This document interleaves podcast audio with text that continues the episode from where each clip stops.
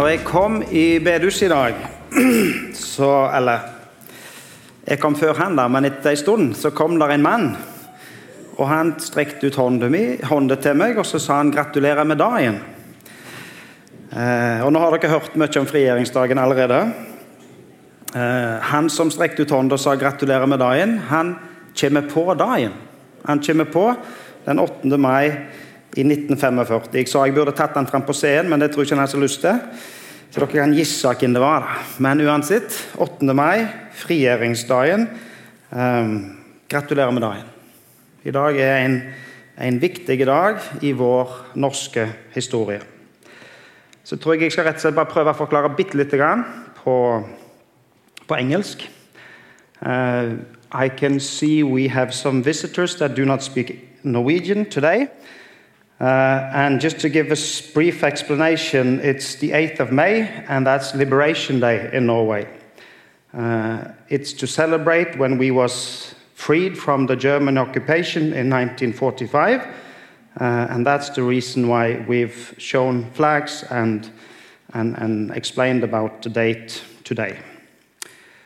Sorry, we do not have translation um, here, but you, if you want to follow our reading, our reading will be from Revelations chapter 3 today. Revelations, the last book of the Bible, Revelation chapter 3. Ok, det var bitte litt på engelsk. Um, vi er kommet til 8. mai. Vi skal snakke om frigjøringsdagen. Uh, eller, vi skal ikke snakke om frigjøringsdagen, men det er frigjøringsdagen. Og teksten vår i dag forteller oss faktisk bitte lite grann om frigjøring, om seier. Uh, og dere kan se når vi, når vi leser den, den, teksten. Vi har vært i Johannes' åpenbaring. Uh, de første kapitlene. Vi har um, gått gjennom de som vi kaller for de sju sendebrevene. Vi har ikke gått gjennom alle, men selv om vi ikke har gått gjennom alle, så, skal, så blir i dag den siste gangen vi ser på, på sendebrevene. Så skal jeg prøve å ta en liten oppsummering og en liten avrunding. Eh, og så, avrunder vi temaet vårt for, for, denne gang. Ok, Vi skal lese Johannes' åpenbaring kapittel 3. Vi ser om vi får det opp. ja, eh, Vers 8. Eh, og så skal vi lese vers 10 og 11. Da står Jeg vet om dine gjerninger. Se, jeg har satt foran deg en åpnet dør som ingen kan stenge. For du har liten kraft, og du har holdt fast ved mitt ord og ikke fornektet mitt navn. Fordi du har tatt vare på mitt ord om å holde ut, vil jeg bevare deg gjennom den tiden av prøvelser som skal komme over hele verden for å prøve dem som bor på jorden. Jeg kommer snart. Hold fast på det du har, så ingen tar seierskransen fra deg. Johannes' åpenbaring er skrevet av, av, Johannes. Og Johannes var disippelen til Jesus. Han var jo en av Jesus sine nærmeste. Um, han var på en måte i den indre, indre krets uh, av de som var Jesus sine, sine nærmeste venner og medarbeidere. Johannes var den eneste av disiplene som, uh, som døde en naturlig død. Den eneste som ikke ble martyr. Eh, men på slutten av livet så ble Johannes forvist til ei øy som heter Patmos, og det ble på en måte hans, hans eh, eh skal si straff, fengsel, eh, på den øya. Og på Patmos så møtte han Jesus. Eller Jesus møtte han. I et syn, eller gjerne vi skal kalle det en åpenbaring. Og så skriver han Johannes' åpenbaring. Og I Johannes' åpenbaring beskriver Johannes sitt møte med Jesus. Han beskriver det første kapittelet, hvordan Jesus møter ham, hvordan Jesus ser ut.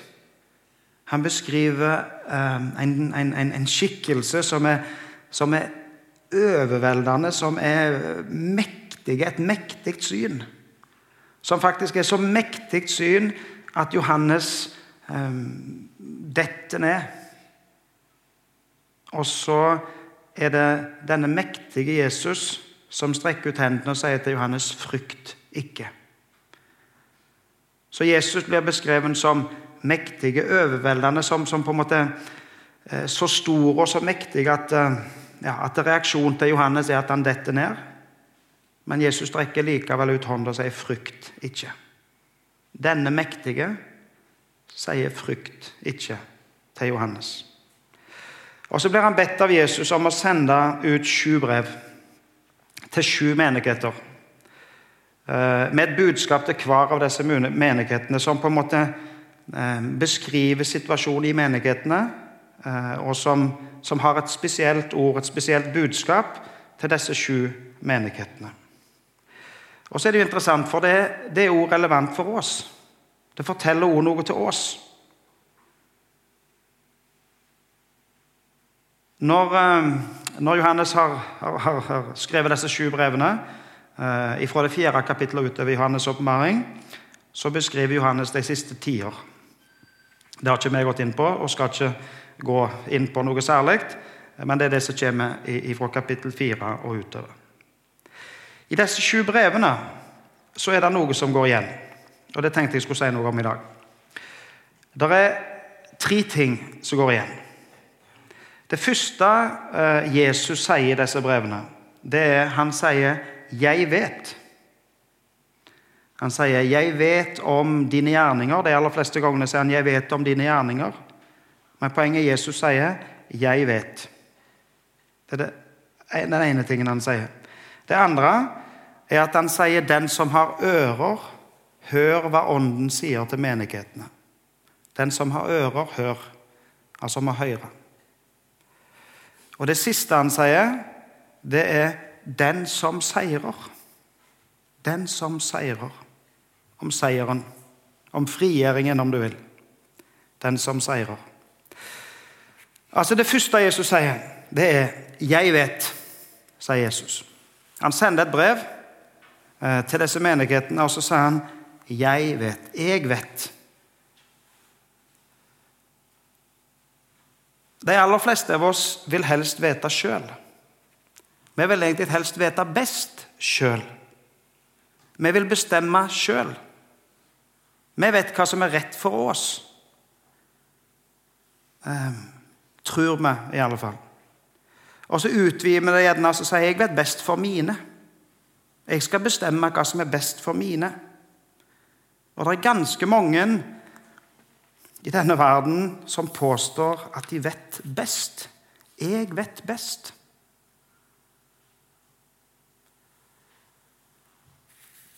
Og så skal jeg ikke kverulere, for for all del, du kjenner best ditt eget liv, og du kjenner best forholdene, og du kjenner, ikke sant? Eh, så i mange situasjoner, ja, så vet du best. Men det går an likevel å stille spørsmålstegn. Vet du egentlig Kan alle mennesker i denne verden si at 'jeg vet'? Jeg kom over en historie. Jeg tror det kalles for en fabel. Eller i Bibelen ville det blitt kalt for en lignelse. Eh, som er skrevet for flere tusen år siden Eh, han en, har sin opprinnelse i India. og men Jeg har da funnet den på norsk, og så tenkte jeg jeg skal lese den for dere. Og Historien er sånn. I en landsby var situasjonen slik at for mange år siden sorry, I en landsby var situasjonen slik for mange år siden at samtlige innbyggere var blinde. Lignelsen om de blindes landsby fortsetter med at seks menn fra landsbyen en dag gikk langs veien og Da møtte de en mann som red på en elefant. De seks hadde hørt om elefanter, men hadde aldri vært i nærheten av en.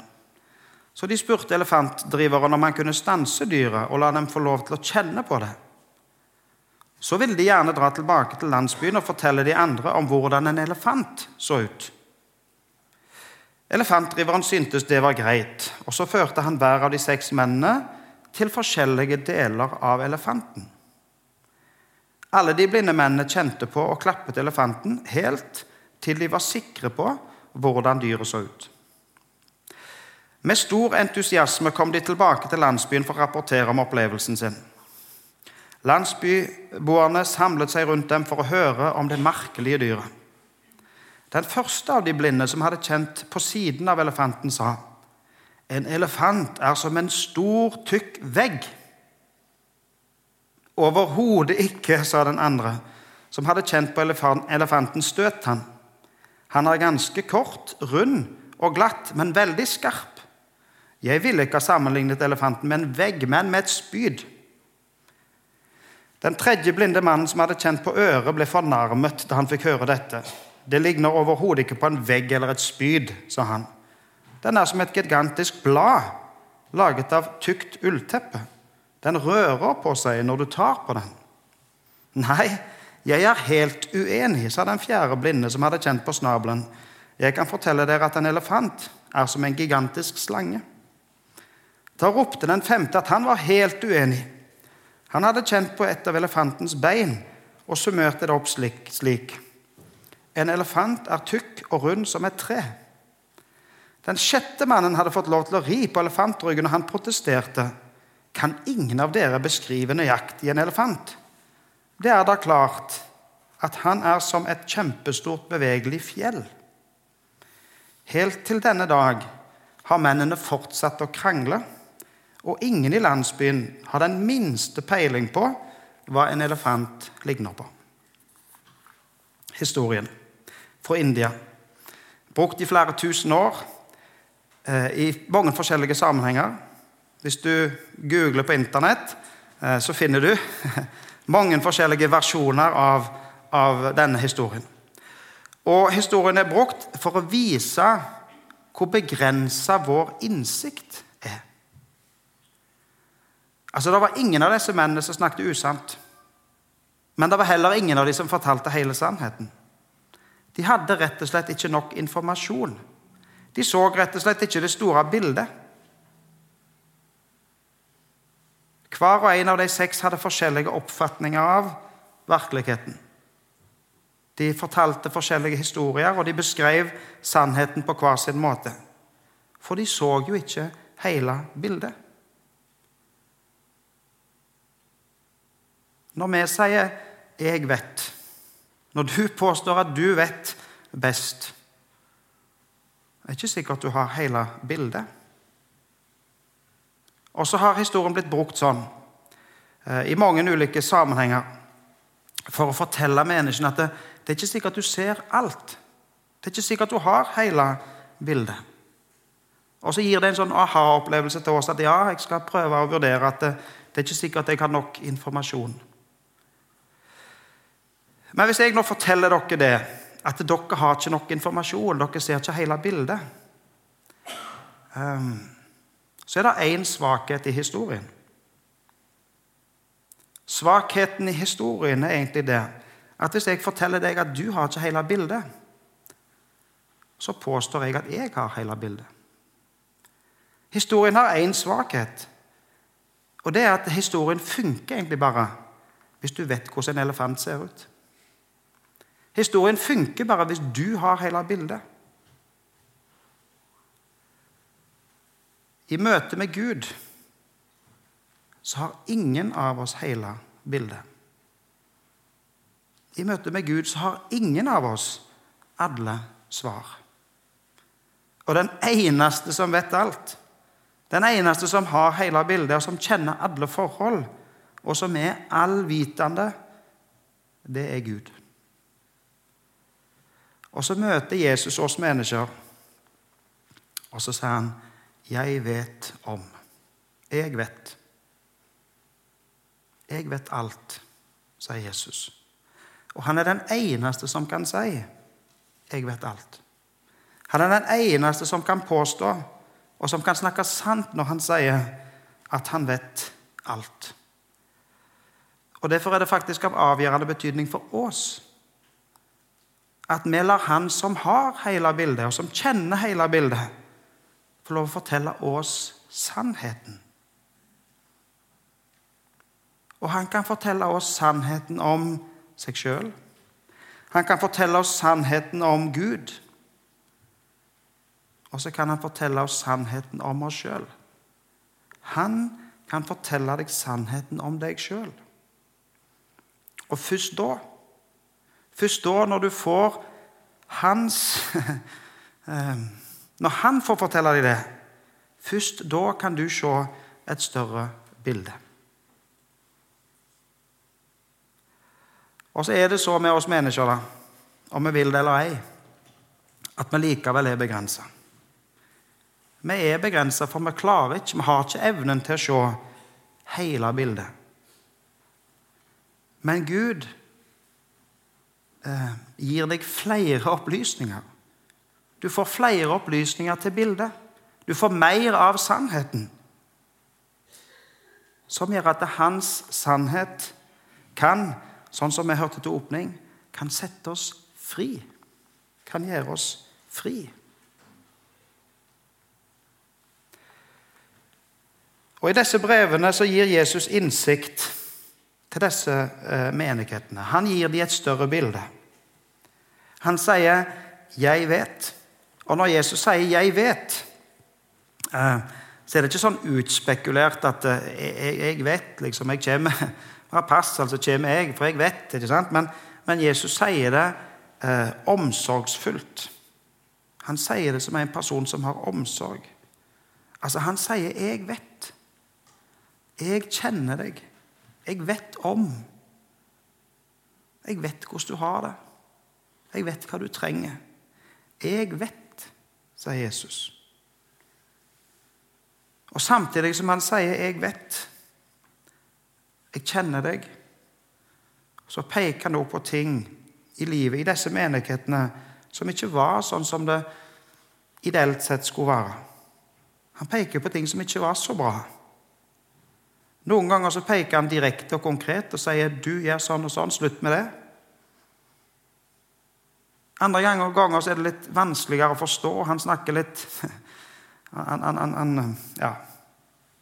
Det er vanskelig for oss å forstå hva var det egentlig han mente. Men det som er helt sikkert, er at de som fikk høre det den gang, de visste hva det gjaldt. Og så kommer Jesus også inn i våre liv på den måten. Kommer Jesus omsorgsfullt inn i våre liv.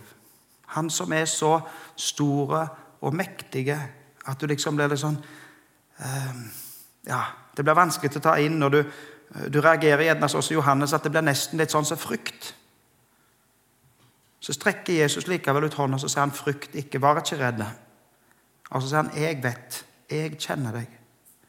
Jeg kjenner deg helt inn. Jeg vet om alt. Jeg vet hvem du er. Jeg vet hvordan du har det, vet hva du trenger. Jeg vet at du trenger en frelser. Jeg vet at du trenger tilgivelse. Jesus i omsorg møter oss og sier 'Jeg vet'. Og denne eh, allvitende, omsorgsfulle Jesus han peker også på ting i livet vårt som gjerne ikke er sånn som det skal være. Noen ganger direkte og konkret. Noen ganger ganske høyt og tydelig. Noen ganger får vi på en måte høre det. Andre ganger er det så at det bare du forstår. Gjerne er det bare du som kjenner på det. Du blir minnet om, uroa over, eller hvordan du opplever det. Men sånn eh, er Jesus. I omsorg for oss, for den enkelte. Og så sier Jesus her til disse menighetene Den som har ører, hør Det er jo et underlig uttrykk, for vi har jo alle ører. Det sitter liksom ører på eh, ja, oppå her på alle. Eh, og ørene våre bruker vi til høyre med. Og så, og så sier Jesus likevel 'den som har ører, hør'. Så det, vi, vi skjønner jo det at det må være andre ører. Det må være en annen måte å høre på enn våre fysiske ører. Poenget er hører du Guds stemme? hører du når Gud snakker til deg? Og hvor finner du Guds stemme? Hvordan i all verden skal du klare å få høre hva han sier? Jeg skal lese versene våre en gang til. Jeg vet om dine gjerninger. Se, jeg har satt foran deg en åpnet dør som ingen kan stenge.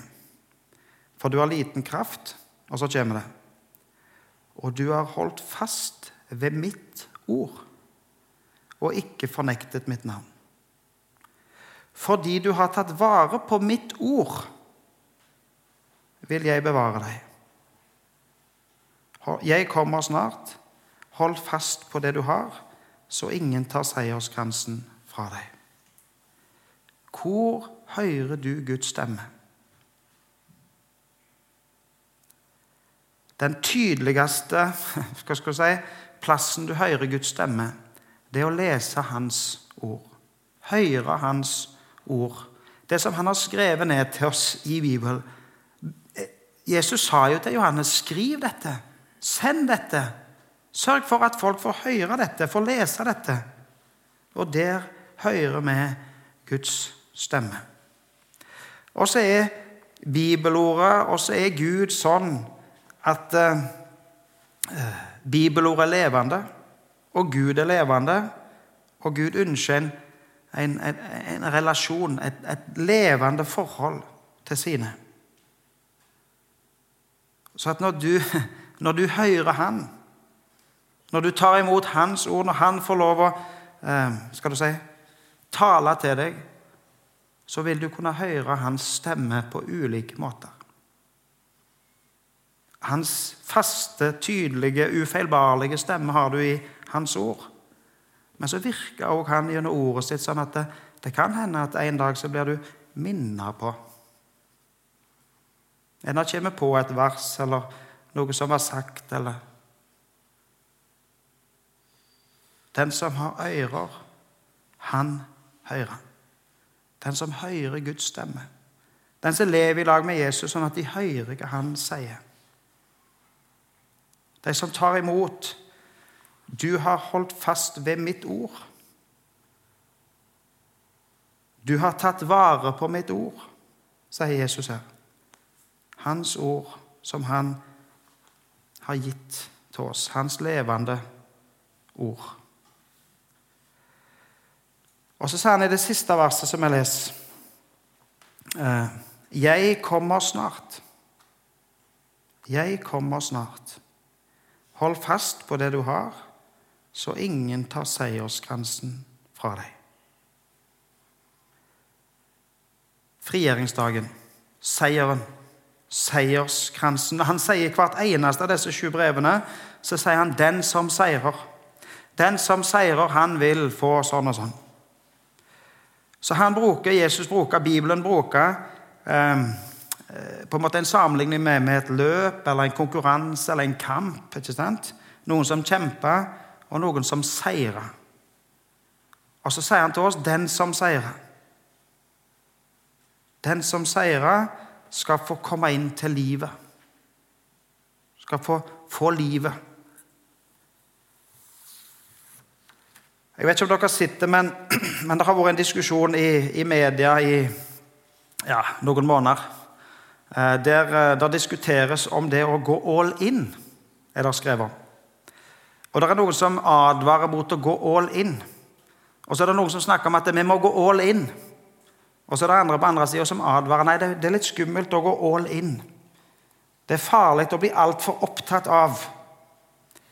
Og så er settingen eh, som det diskuteres i, at det er farlig å la kristendommen på at det blir, blir, betyr for mye. Altså det, det er farlig å la det bli eh, sjukelig eller sektorisk. Og så kan vi for så vidt forstå hva de mener, eh, og så argumenteres det på begge sider. Det er farlig å gå all in, eh, men det, det, ja, det argumenteres på begge sider. Og det med å gå all in, da, eller den diskusjonen, det gjelder for så vidt ikke bare i kristendom. For du kan jo gå all in for andre ting òg. Du kan gå all in for skole. Og gjøre, det, gjøre alt. Legge alt annet til side for å gjøre det godt på skolen. Eller du kan gå all in for karrieren din og gjøre alt. Legge alt annet til side for å sørge for at karrieren min blir sånn og sånn. Eller du kan gå all in for en eller annen idrett og gjøre hva som helst for å bli best i den idretten. For det fins jo de som ofrer alt for idretten sin og som trener og som fokuserer, eh, sånn at alt annet blir uviktig. Det eneste som teller for dem, det er å bli god i den idretten. Og så ofra de vennskap, og så ofra de ungdomstida si, og så ofra de skolegangene og karriere. Alt for å bli best i en idrett. Dere tenker sikkert på noen. Jeg tenker på noen. Eh, og hvis eh, de som gjør det, de som, de som, eh, de som ofrer alt for å bli best i en idrett Hvis de lykkes, så blir de hedra. Så blir de på en måte eh, lufta fram som gode eksempler. Problemet er jo egentlig bare det at det er ganske mange Det er ganske mange som ofrer alt for å bli best i en idrett. Men så er det bare én. Det er bare én som vinner. Det er bare én i den idretten som blir best i verden. Og alle de andre, da, som har ofra alt, men som ikke klarte å vinne. Og så forstår vi ja, det går an å diskutere skal du gå all in, eller er det ikke så smart å gå all in.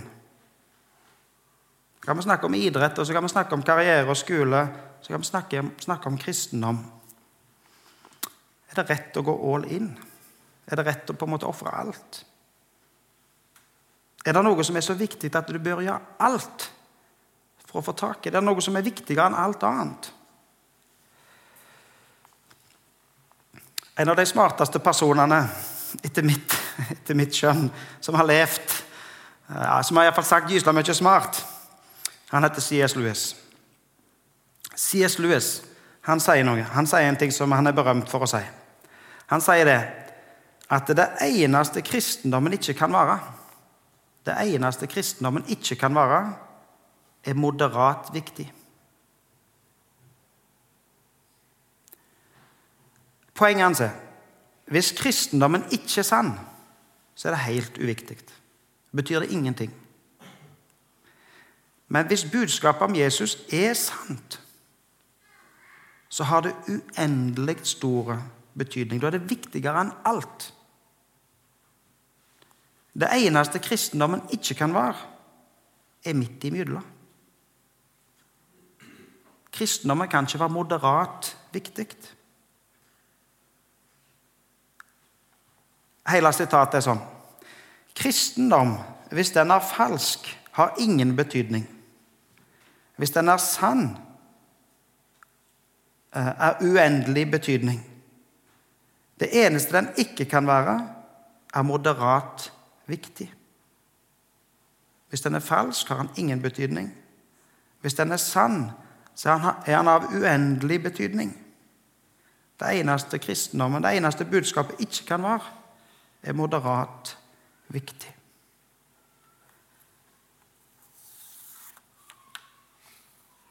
Den som seirer. Jeg kommer snart, sier Jesus. Og den som seirer, han skal få en seierskrans, en seierspris. Den som seirer, den som vinner, den skal få en seierspris ifra Jesus. Skal få evig liv ikke Jesus. Jesus kan ikke være midt imellom. Jesus er egentlig det viktigste av alt.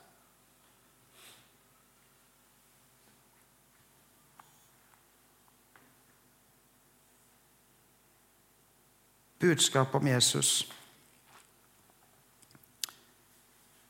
er av en sånn betydning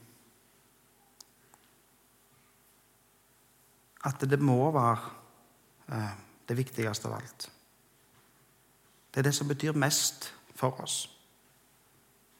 Det eh, er det eneste budskapet. Han er den eneste som har hele sannheten. Og han er den eneste som kan gi oss frelse, tilgivelse og evig liv. Skal vi be. Kjære Jesus, takk for um, at du er sannheten. Takk for at du kjenner oss. Takk for at du vil ha med oss å gjøre. Takk for at vi får komme til deg.